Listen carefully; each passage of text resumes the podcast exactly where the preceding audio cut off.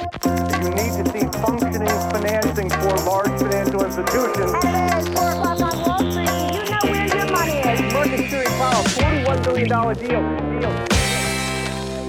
Då är det dags för ett nytt avsnitt av Investerarens podcast. Det är första februari när det här spelas in, tisdag den första februari. Vilket också innebär att vi har stängt böckerna för första månaden 2022. Ingen kan säga att den inte var händelserik. Förra veckan bjöd på en nedgång på 2,04% för OMXS30 och 3,18% för breda OMXSGI. Dessutom fick vi en svart måndag, det var på löpet. Men inte kanske riktigt lika allvarligt som svarta måndagen 1987 den 19 oktober när Dow Jones föll 508,32 punkter och index var ner 22,61 procent den dagen. Eh, det inser man ju är ganska, ganska jobbigt. Det brukar ju tendera att kanske också svänga lite mindre i USA än vad det kanske svänger på en periferi mindre marknad som, eh, som Sverige med ändå förhållandevis tunnare handel. Men det blev ändå en typ av svart måndag. Det finns nyanser om man så säger. OMXS30 var ner 4,43 som mest och OMXSGI var ner 5,20 som mest. Det är rejäla nedgångar. Det är ovanligt. Jag vet att det gör ont i magen när den typen av rörelser kommer och mycket i portföljen svänger betydligt mycket mer än indexsvängningarna. Eh, Men man ska också ha med sig att i och med att svängningarna är så pass ovanliga så är det ofta goda köplägen. Det tyckte jag ju för sig när börsen var ner 4.31 där på måndagen, coronakraschen. Där köpte jag och sen så fortsatte det ner i 17 handelsdagar till totalt 18 handelsdagar då. Men jag fortsatte också köpa hela vägen ner och ni vet ju vad som har hänt sedan dess. Sen hade man ju inte kunnat ana att det skulle gå så snabbt naturligtvis.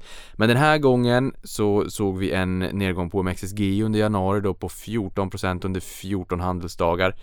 Det är ganska intressant att sätta det i relation till coronakraschen som var 33,81% på 18 handelsdagar. Så att 14% ner under 14 dagar på breda Stockholmsbörsen, OMXSGI 33,81% ner på smala OMXS30 under 18 dagar där under coronakraschen. Jag kanske i det här fallet inte heller behöver säga att OMXS30 är exklusiva utdelningar för det året så torkade de upp ganska mycket förutom de bolagen som hade hunnit distribuera utdelning innan hela det här eh, brakade loss helt enkelt. Men vi har fått en intradagskorrektion på OMXS30, skönt att ha redan betat av den. Ni vet, det blev ett undantag i fjol. I år har vi varit ner eh, strax över minus 10% på OMXS30 intradag. Den dagen stängde faktiskt under strecket 10% ner. Sen kan man tycka, är det viktigt eller inte? Ja, man kan ju också fundera kring om det här målet i hockey är viktigt eller inte. Ehm, sparande är oftast lönsamt långsiktigt, men man ska ha lite roligt efter vägen också. Det här är ju liksom kul, det svänger, det händer saker och ting hela tiden. Jag tror att det är det du och jag och många gillar, att vara i det här informationsbruset, där det händer saker hela tiden och det gör det.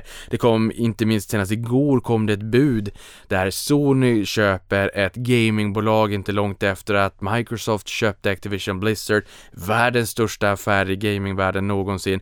Microsofts största förvärv någonsin och det är inte länge, det var inte långt efter att Take-Two Interactive hade köpt Zynga. Så att, eh, ja, ni vet, det är kul helt enkelt. Men som sagt, nu när böckerna är stängda för januari så kan vi säga att OMXS30 sjönk minus 5,35 när vi stängde månaden och OMXSGI stängde på minus 9,83.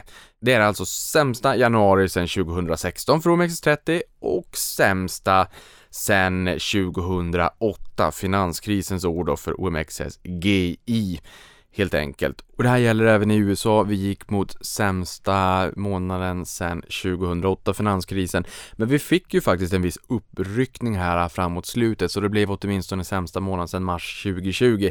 Vilket jag också tycker är lite intressant, för mars 2020 då var det mesta ganska becksvart. Eh, och det här gör ju någonstans att jag tycker att det kliar lite grann i fingrarna när det är den här typen av mörka rubriker, sämsta sen coronakraschen eller sämsta sen finanskrisen. Och vi ska också komma ihåg att väldigt många bolag, inte minst på Nasdaq, har gått rejält dåligt. Ehm, det gäller att, att, att, ha med sig helt enkelt. Vi kanske tittar på Sverige och tycker att ja, ja, okej då, men en korrektion är rätt vanlig. Men som jag sa i förra avsnittet där att det var nä, nästan vartannat bolag i, på Nasdaq-börsen då som hade tappat halva värdet senaste året och eh, snittet bland de bolagen var 73% ner. Så, att, så rejäla nedgångar, men det indexet hade ju faktiskt en korrektion även, även eh, förra året då. Men nåväl, intressant och jag kan väl lägga till där också att näst sista handelsdagen i januari, det vill säga i fredags förra veckan, så såg vi rejäla uppgångar på Nasdaq över 3% men även igår då, sista handelsdagen under januari månad såg vi också en uppgång på över 3% på Nasdaq. Så att vi har eh, sen botten för inte allt för länge sedan, bara några dagar sedan, har Nasdaq klättrat upp en bit över 8%. Så att, som man brukar säga, det går fort i hockey. Det finns ett uttryck som säger så som januari går, går börsåret, men är det verkligen så här? Det är ju ingen regel utan undantag. Barons menar att ett dåligt januari inte nödvändigtvis innebär ett dåligt år. S&P 500 har fallit minst 3% under januari vid sex tillfällen senaste 20 åren, varav tre av dem, det vill säga hälften, har bjudit på nedgångar om minst 5%. I tre av de här fallen har index varit tillbaka i positivt territorium för året innan slutet på februari. År 2016 tog det fram till mars och 2009, det vill säga i kölvattnet efter finanskrisen, jag tror USA bottnade i mars 2009 och i Sverige bottnade vi 27 oktober 2008. Ja, då tog det ända fram till maj Medan 2008, finanskrisens år, det var ett, eh, ett förlorat år då. Men starten på 2022 är inte heller någonting att hänga i skräckgranen. Amerikanska S&P 500 har historiskt i snitt bjudit på en korrektion och tre sättningar om minst 5% per år sedan indexet skapades 1957 enligt Dow Jones Market Data och Barons då. Och jag tycker väl att det är det här man också får ha med sig. Hur har det sett ut historiskt? Kom ihåg detta som Morgan Housel har sagt. Alla historiska krascher tenderar att se ut som fantastiska köplägen i retrospekt och alla framtida dito eller det stöket man befinner sig i för stunden, då ser man bara risken. Det är människor som har frågat mig, Niklas, har du, eh, har du köpt någonting här under stöket då? Det var ju rätt läskigt. Ja, definitivt. Jag köper alltid i den här typen av sättningar. Och jag tror att det handlar lite grann om mental bokföring också. Jag tar inte ut pengar från portföljen så att alternativkostnaden är ganska låg. Jag tänker inte som vad hade jag kunnat göra med det istället. Jag tänker inte som pengar, jag tänker som kapital och byggsten byggstenar. Kan också tycka det här med att idag så kan ju värdet i, i portföljen svänga mer intradag än vad det tog mig flera år att spara ihop i, i tidernas begynnelse när jag började spara. Det rör mig inte speciellt mycket. Eh, svänger det ner och det är liksom så att marknaden är sur snarare än att jag sitter på alla surdegar på börsen, då hade jag blivit lite mer oroad. Men svänger det ner ja då kommer jag bara att fram, skruva upp min framtida förmögenhet. Däremot om jag går till min lokala matbutik som jag har runt hörnet och de har höjt min favoritketchup, Heinz Hot Ketchup, för Mexican Ketchup finns inte längre, försvann för över ett årtionde sedan, varför vet jag inte, jag har aldrig fått svar från Heinz.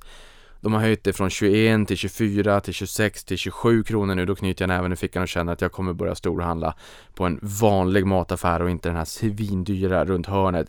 Ketchupen är en ganska liten slant i förhållande till de svängningarna jag har i portföljen. Men det visar också kraften i mental bokföring. Och jag känner så här, whatever works works. Så att hitta det sättet som fungerar för dig. Men jag tänker, men tänker man genuint långsiktigt, har tillräckligt mycket pengar, se till att du badar i pengar eh, på buffertkontot så att du aldrig någonsin kryper till korset och känner att jag skulle ha sålt förra veckan innan sättningen började. Då har du för lite pengar eh, lättillgängliga för att finansiera livet AB. Om du aldrig, liksom, har du tillräckligt med pengar för att känna att vad jag än vill göra, ut på en resa, köpa en cykel, vad, vad som så finns det pengar att tillgå utan att någonsin ens behöva få upp den här tankebubblan likt serien Scrubs där du står med fingrarna i den finansiella syltburken, det vill säga portföljen och ska nalla ut pengar precis vid sämsta tänkbara tillfälle, typ 16 mars 2020 se till att ha tillräckligt med pengar så att du aldrig tänker de, de tankarna och sen så kommer det rimligtvis gå eh, hyfsat bra kan jag tänka mig. Men det är också väldigt intressant när det stökar till så här äh, att zooma ut perspektivet, titta hur det har gått historiskt. I och med att eh, som det brukar sägas, historien kanske inte upprepar sig men den rimmar åtminstone. Det är mänsklig psykologi det här handlar om. Och det visar ju också det här rejäla uppåt-trycket den senaste tiden att det finns ju alltid köpare men kanske inte på alla nivåer. Och eh, när nedgångarna är så snabba så skrämmer det lite grann men till slut, tids nog så kommer det ju att locka att faktiskt börja köpa igen. På samma sätt som att ingen vill vara sist ut så vill väl ingen vara sist in heller. Och någonstans nu pratade, pratas det väldigt mycket om att rotera tillbaka till värde. Då kan man fundera på vad värde är, om det bara värde slentrianmässigt som man slänger sig med eller deep value eller vad man än tänker. Vill man köpa en krona i värde för 80 öre får man säkert leta på, men vill man hitta bolag med låga P tal och en hygglig price to book och en god direktavkastning, ja, de bolagen har ju gått ganska bra nu. De som har höga värderingar, tillväxtbolag, de har ju kollektivt eh, åkt ut med badvattnet. Det är intressant, jag tror att jag sa det i förra avsnittet också, det är att alla åker ut med badvattnet. Jag tror när det här lugnar sig lite grann, kanske när vi kommer till mars, om vi får första räntehöjningen från Fed. Nu är det många som räknar med 50 punkters höjning, det vill säga en dubbel, dubbelbörjare. Eh, då någonstans kanske det lugnar sig lite grann och dessutom om den här geopolitiska spänningen i, i Ukraina också lägger sig lite grann så, så kanske vi får ett lite större risksentiment på marknaden. För nu ser man ju också att eh, IPO-fönstret eh, rimligtvis eh, eh, stängdes vid, vid årsskiftet naturligtvis men kanske inte heller riktigt öppnar.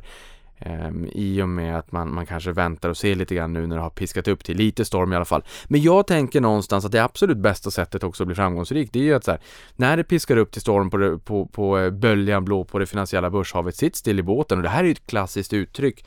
Um, jag jag, jag liksom kom på det här när jag var på gymmet och försökte fly verkligheten för det var så förbaskat tråkigt. Och då tänkte jag mig så här, att sitta still i båten, det är ju ändå ett rätt bra uttryck. För är du ute på, på, på vattnet, eh, på havet, kanske inte jättelångt ute, så vet jag inte varför du skulle sitta i en liten eka. Men säg att du är ute på någon, någon sjö så att säga, eh, det är ändå ganska långt hem, du tar inte riktigt någonstans, det piskar upp lite grann till storm, det, det, det regnar, det är skyfall, det är kallt ute, det är mörkt, det är kväll, eh, vattnet är iskallt de allra flesta borde klara sig ganska bra genom att bara sitta still i båten. Gör inte upp en eld i båten. Äh, hacka inte hål i båten. Sitt still i båten och som gör inte de klassiska misstagarna. Jag har haft ett avsnitt här i, i podden, i katalogen. I, jag tror att det var bland de första jag gjorde, där jag hade 36 eller om det var 37 olika klassiska misstag som man gör och som hackar hål i den här båten. Men sitter man bara still i båten så går det oftast väldigt bra. Jag tycker om att nyttja den dramaturgiska sötman i rubriksättningen, när rubrikerna blir mörka, när det är, sessa, när det är liksom sämsta månaden sedan finanskrisen, det är sämsta sedan depressionen, det är sämsta hit och det är sämsta dit. Det brukar vara en ganska bra eh, contrarian, liksom ganska bra kontraindikator att försöka gå lite grann emot strömmen. Man kan jättegärna gå mot värdebolag nu, men samtidigt så har vi sett en rejäl sättning på det här liksom tillväxtbolagen och vi kommer ju komma till ett läge där vissa bolag som har bättre framtidsförutsättningar faktiskt hämtar upp sig ganska mycket och det har vi sett redan att de tendenserna börjar vi se lite grann. När, när det är stor oro, då är eh, samvariationen är liksom 1 till 1 mer eller mindre, allt ska säljas av rakt ner i källan för risktillgångar. Men, men nu börjar det liksom stabiliseras lite grann kan jag tycka. Det här var en jättelång utsvävning. Jag vet att den här podden ska ju inte bli speciellt lång och nu har jag kanske en minut kvar och fantastiskt mycket mer att prata om. Så vi, vi, eh, vi springer på. Eh, men det är ett ganska spännande klimat ändå kan jag tycka. Eh, och också att man får en andra chans att komma in i många bolag lite, lite billigare helt enkelt. Och som sagt, det finns ljusglimtar. Amerikanska marknaden, förutom Nasdaq som var upp då, S&P 500 bjöd på bästa börsdagen sedan juni 2020 här i fredags. Och under förra veckan, Fed var en stor hållpunkt, likaså Apple som bjöd på en mycket stark rapport där de med bravur klarade att managera trassliga försörjningskedjor de är ju också stora naturligtvis. Är det så att man är underleverantör till Apple så håller man dem högt. Man ser till att de är nöjda. Om det är så att man bara kan göra vissa kunder nöjda. Eh, försäljningen steg i varje produktkategori förutom iPad. Så vad gäller telefoner så befinner vi oss ju faktiskt i en uppgraderingscykel till 5G. Eh, och det här var det första hela kvartalet med försäljning av iPhone 13. 2019.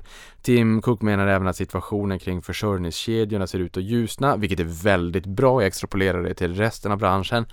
Apple kanske ser det först, men det här är ju verkligen någonting som vi vill höra. Det här är mycket goda nyheter. Sen har ju nu Apple eh, fler goda nyheter, i alla fall för de som är aktieägare i Apple. Apple har nu 23% marknadsandel i Kina och återtar tronen som största smartphone-tillverkare återigen första gången på sex år. Dessutom bjöd kvartalet på marginalexpansion där bruttomarginalen steg 399 punkter till 43,8% vilket var högre än väntat och tack vare tillväxt i services, det vill säga att segment med, med mycket god eh, lönsamhet får man väl säga. Och det är väl lite grann den känslan jag har också att de bolagen som gynnas allra mest av rapportsäsongen är de bolagen som visar att trots stökiga försörjningskedjor, flaskhalsproblematik, löneinflation och allt vad det kan tänkas vara, stigande priser på insatsvaror, ändå kan bjuda på marginalexpansion. Det här är ju mumma för aktieägare. Apple distribuerade motsvarande 253 miljarder kronor till aktieägarna under kvartalet, vilket motsvarar 25 300 kronor per svensk. Och det är faktiskt bara ett tiotal bolag på Stockholmsbörsen som har ett market cap över den nivån, alltså börsvärde över den nivån. Är det relevant? Nej, förmodligen inte, men det är lite roligt i alla fall. Den oro vi nu ser på marknaden lär ju bestå till Feds möte i mars och eventuellt den första räntehöjningen sedan 2018. Men i det korta perspektivet så, jag menar rapporter från Apple men även Microsoft som har varit väldigt bra ingjuter ju naturligtvis visst hopp. Ehm, det är ju trots allt det största och näst största bolaget på amerikanska börsen. Sen kan man ju tycka, okej, okay, är det rimligt att vi blir ännu mera beroende av ehm, de stora bolagen som eh, utgör en rätt stor del av index. Jag tror att de fem största bolagen utgör väl en 23-24% av S&P 500. Nej, det, det, är det kanske inte, men det är ändå trevligt att de håller emot lite grann. Typ som svensk banksektor. För de mindre bolagen har fått, eh, de har varit på diet. Ehm, Russell 2000 befinner sig i björnmarknad efter att ha tappat mer än 20% sedan toppen i november. Och jag skrev förvisso den här agendan, tror jag att det var i söndag, så att det eh, var ju uppgångar här under gårdagen. Men ändå ganska intressant att mindre bolag i USA har haft det rejält eh, tufft får man väl säga. Och Fed som sagt var ju en höjdpunkt under veckan.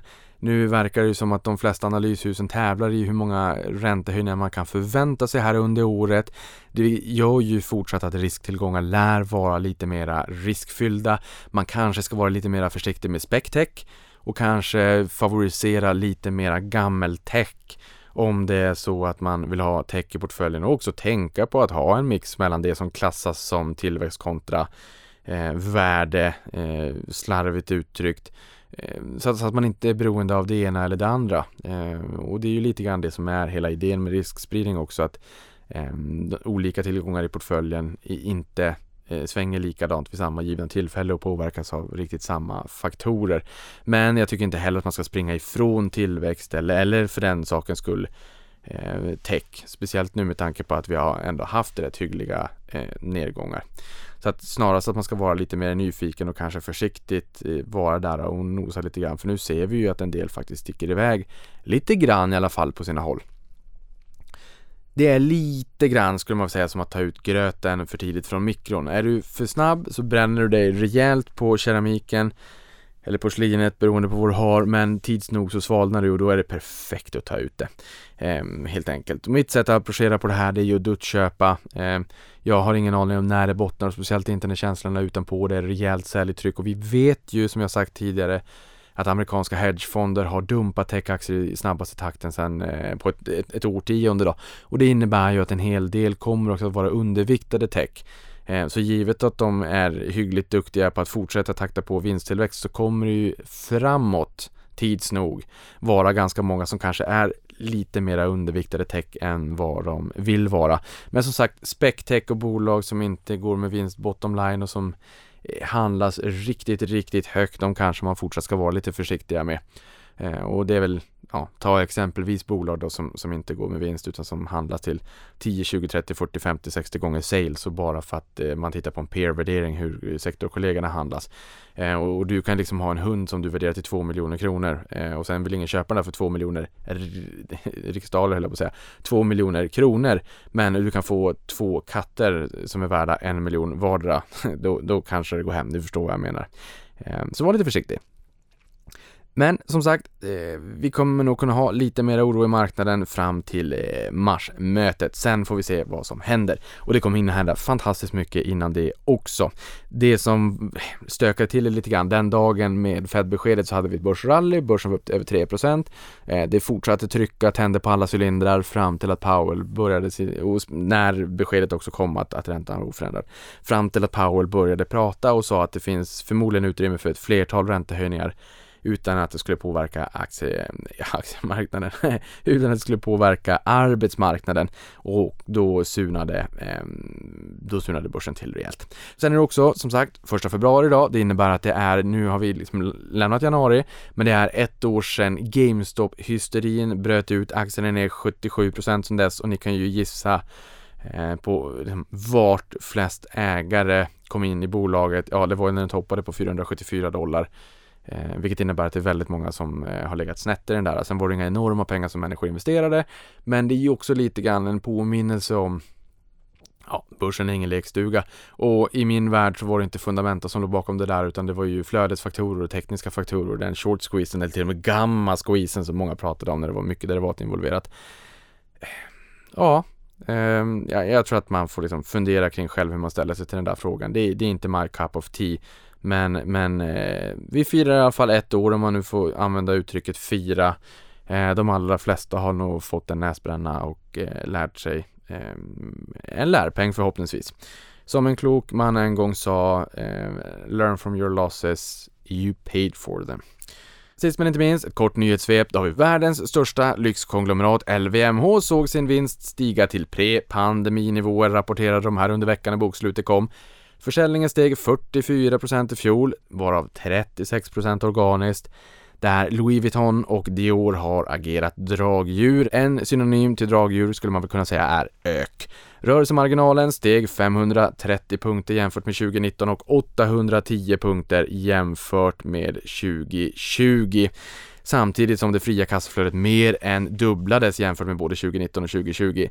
Eh, imponerande får man väl säga. Sen har vi Netflix VD och medgrundare Reed Hastings som öppnat plånboken och köpt aktier för 20 miljoner US dollar den 27 och 28 januari till ett genomsnittligt pris om 388,83 dollar.